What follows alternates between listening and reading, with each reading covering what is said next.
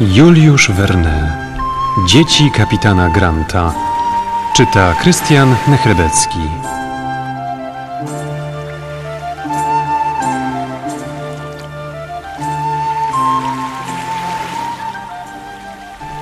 Glenarvan pragnął, aby wiadomości o nieudanych poszukiwaniach nie zmąciły szczęścia jego przyjaciół. To też pierwsze jego słowa były nie traćmy nadziei, drodzy przyjaciele. Kapitan Grant nie przybył tu wprawdzie z nami, lecz jesteśmy pewni, że go odnajdziemy. Tego rodzaju zapewnienie wystarczyło, aby otucha powróciła do serc Lady Heleny i Mary Grant. Śniadanie skończyło się. Wszyscy obecni przeszli do saloniku Lady Glenarvan i rozsiedli się dookoła stołu, na którym piętrzyły się stosy map i wykresów. Rozpoczęła się ogólna rozmowa – Droga Heleno, rzekł Glenarvan, powiedziałem ci, że chociaż rozbitkowie z Brytanii nie wrócili razem z nami, to bardziej niż kiedykolwiek wierzymy w ich odnalezienie. Nasza przeprawa przez ląd amerykański dała nam przekonanie, a raczej pewność, że katastrofa nie nastąpiła u brzegów Oceanu Spokojnego, ani też u brzegów Atlantyku. Do pana więc zwracam się, panie Jakubie. Niech pan zechce raz jeszcze wytłumaczyć, na czym polega pomyłka, aby to dla wszystkich było jasne. Po chwili milczenia uczony zabrał głos, rozprawiając o słowach Gonia i Indii w sposób jak najbardziej przekonywujący. Z wyrazu Austral wydobył triumfalnie słowo Australia. Przekonał wszystkich.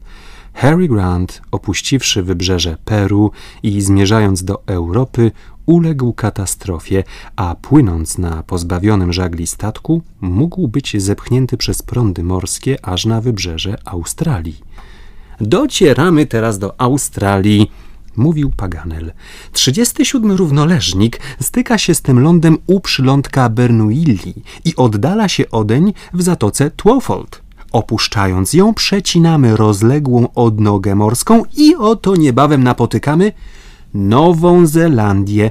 O, przede wszystkim muszę Państwu przypomnieć, że słowo kontin, które znaleźliśmy w tekście francuskim, oznacza niewątpliwie kontynent. Kapitan Grant nie mógł więc wylądować w Nowej Zelandii, zważywszy, że jest ona tylko wyspą.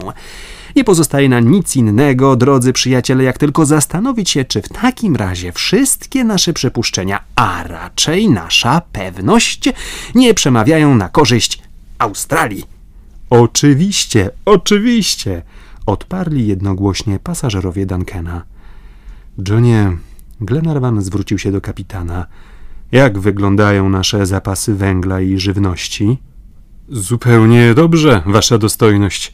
Uzupełniłem wszelkie braki, a zresztą znalazłszy się u przylądka Bernuilli będziemy mieli sposobność załadowania potrzebnej ilości opału.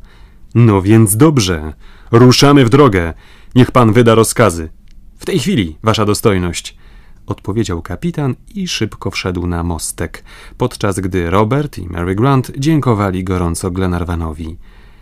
Duncan oddalił się niebawem od brzegów Ameryki i dążąc na wschód, pruł dziobem fale Oceanu Atlantyckiego.